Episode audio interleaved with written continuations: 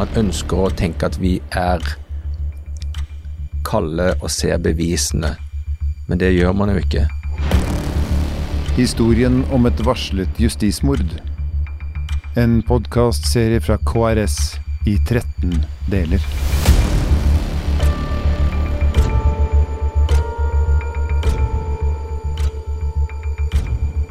Del 12. Høsten 2017 så kom Bjørn Olav Jahr med sin eh, Baneheia-bok. Og da ble du både overrasket og ikke overrasket? Ja. Jeg husker veldig godt at uh,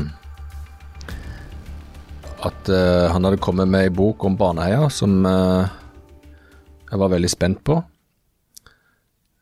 Og jeg møtte opp på Kristiansand bibliotek fordi at han skulle bokbades av eh, en journalist i Ferdelandsvennen som da hadde dekket saken for TV 2.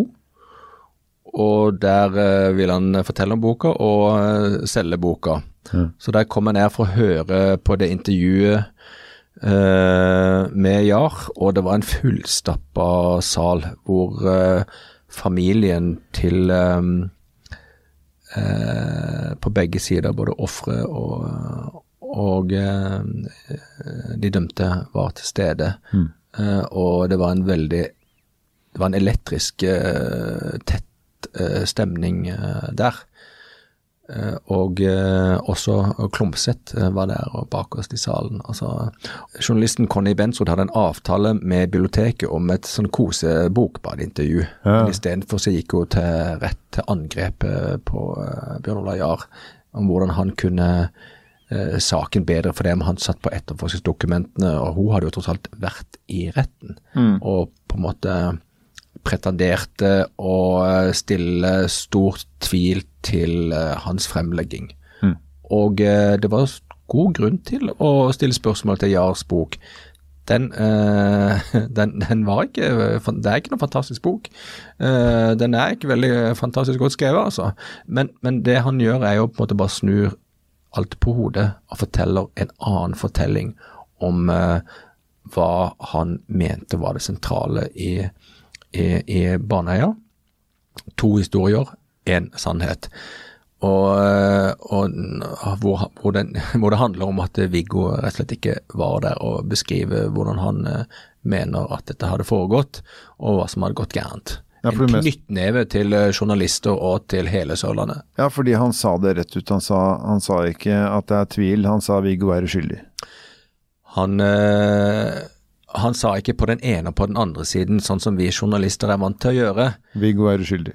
Han sa bare 'Viggo er uskyldig'. Og, eh, og det var jo et, eh, et sjokk. Og det var en påstand som var så sterk fra det som skulle være en, en journalist, en dokumentarjournalist, eh, og, og påstå at alt var feil. Eh, Skulle, skulle alle andre liksom, skulle vi alle ha misforstått det, på en måte? Hvordan kan du være så overbevist, og ikke minst, hvordan kan du være så skråsikker, ja? Her kommer han ene som sier alle andre er dumme. Nettopp. Akkurat som Klumsete hadde gjort. Ja. Og, og det er klart det blir uh, spesielt. Og hvilken rolle inntar du da? Og uh, vel, jeg dro på kafé med Bjørn Olav, for dette vil jeg høre mer om. Uh, Du trakk nysgjerrighetskortet ditt. Ja, altså Jeg har vært nysgjerrig på den saken hele tida, for jeg har jo følt at jeg ikke har hatt noe veldig mye å bevise. Jeg har bare skrevet det som har kommet fram, og følt at sakene har vært uforløst. Så eh, meg og Thomas Sommerseth da i P4 og Trond Solvang, eh, eks-TV 2, eh, vi da hadde en hyggelig prat på, på kafé. Hvor jeg dro rett hjem etterpå og leste, slukte boka fra A til Å og ble ganske overbevist om at jeg måtte virkelig tenke gjennom sakene på nytt. Ja. Så diskuterte jeg med andre som sa at boka var jo elendig. Du hadde folk som sa at dette rører, rokker ikke en millimeter med dommen i Baneheia. Så var det sånn ok, ja vel. Men da eh, gikk jeg da inn i en fase hvor jeg tenkte at her, hm, Oi, her må jeg på en måte Her, her må vi her kan, Dette kan ha foregått annerledes enn det eh, domstolene påsto. Og da begynte huet mitt å, å jobbe. Kanskje altfor sakte. Jeg, da var jeg frilanser, hadde ikke noe særlig å skrive for. Jeg skrev Um, jeg skrev på Facebook, jeg skrev noen kommentarer, jeg skrev i Medie24, og jeg gjorde intervjuer for uh, journalisten om uh, uh, forskjellen på sannhet og skyld, og, og, i retten og fortellinger, og hvem skal vi høre på, og rota rundt for å prøve å skjønne hva dette egentlig handla om. Mm. Mens JAR hadde jo tilgang til alle etterforskningsdokumentene, så hadde jo ikke jeg det. Jeg hadde jo dekka saken, og her sitter da en, en frilansjournalist og, og har 20 uh, permer, fulle ringpermer med, med avhør og sitter med alt sammen. Men så er det jo ingenting. Så hva skulle vi gjøre da? Her hadde du eh, Jar som klager på at journalisten ikke gjør jobben sin, og den eneste som sitter med dokumentene er jo Jar sjøl. Eh, jeg tok kontakt med Sjødin. Eh, jeg ba om å få dokumenter. Fikk jeg dokumenter? Nei. Nei. Jeg var vel kanskje ikke på den rette sida, da. Eh, det er jo, man lekket jo til Jar for en grunn. Det er jo helt åpenbart. Og når Jar uh, går inn i prosjektet, så er det jo fordi at han har bestemt seg for at uh, her er det en historie om at Viggo er uh, uskyldig. Ellers hadde han jo ikke skrevet boka. Ja. og jeg hadde ikke de samme dokumentene. Jeg hadde ikke grunnlag for den samme påstanden. Og Hva skulle man da gjøre, da? Provoserer det deg litt? At han fikk det, tilgangen på dette som du ikke fikk? Eller dere andre ikke fikk det? for du kan si at man skal sikre å få historien ut, men den burde vært ute for lengst det som er åpenbart her, er jo at den tilgangen Jar hadde eh, 17 år etter drapene, eller 16 han holdt på med dette en stund, eh, den tilgangen skulle selvfølgelig flere journalister hatt. Det har jo handler om muligheten til å kontrollere rettssikkerheten i det vi kaller en rettsstat. Mm. Så hemmeligholder altså politi og påtalemakt etterforskningsdokumenter som er 17 år gamle, og i dag 23 år gamle. Mm. Man får ikke tilgang til det. Jeg kan ikke gå inn og lese hva Jan Helge sa i de første avhørene. Hvorfor kan jeg ikke det? Fordi at det er hemmelighetsstempla. Og JAR har hatt anledning til det. Det er jo fantastisk at JAR har hatt. Han har gjort et utrolig viktig arbeid og sammen med Eivind Pedersen, som var den første som gikk gjennom disse her. Uh, helt utrolig vesentlig arbeid som Eivind Pedersen skal ha stor honnør for, sammen med Klomsæt.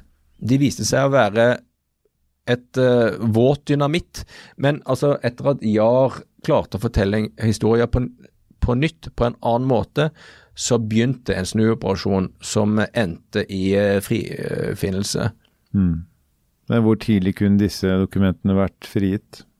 I Sverige så hadde de vært frigitt i alle fall to uker før saken hadde gått til byretten. Der hadde alle fått tilgang til dokumentene for å lese seg opp sjøl.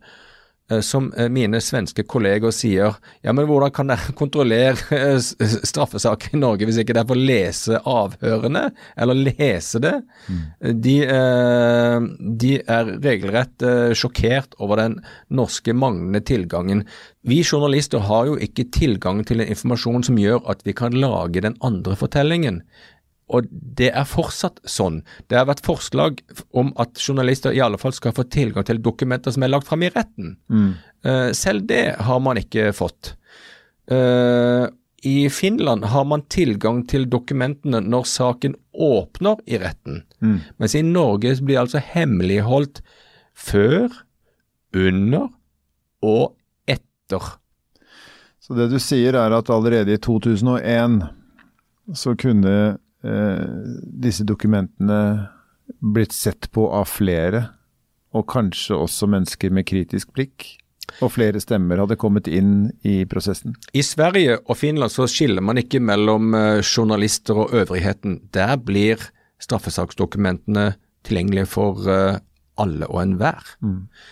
Det finnes de som sier at selv om straffesaksdokumentene hadde vært offentlige i 2001 og i 2002, så var uh, Viggo likevel en snøball i helvete som ingen hadde klart å se uh, dette se annerledes på.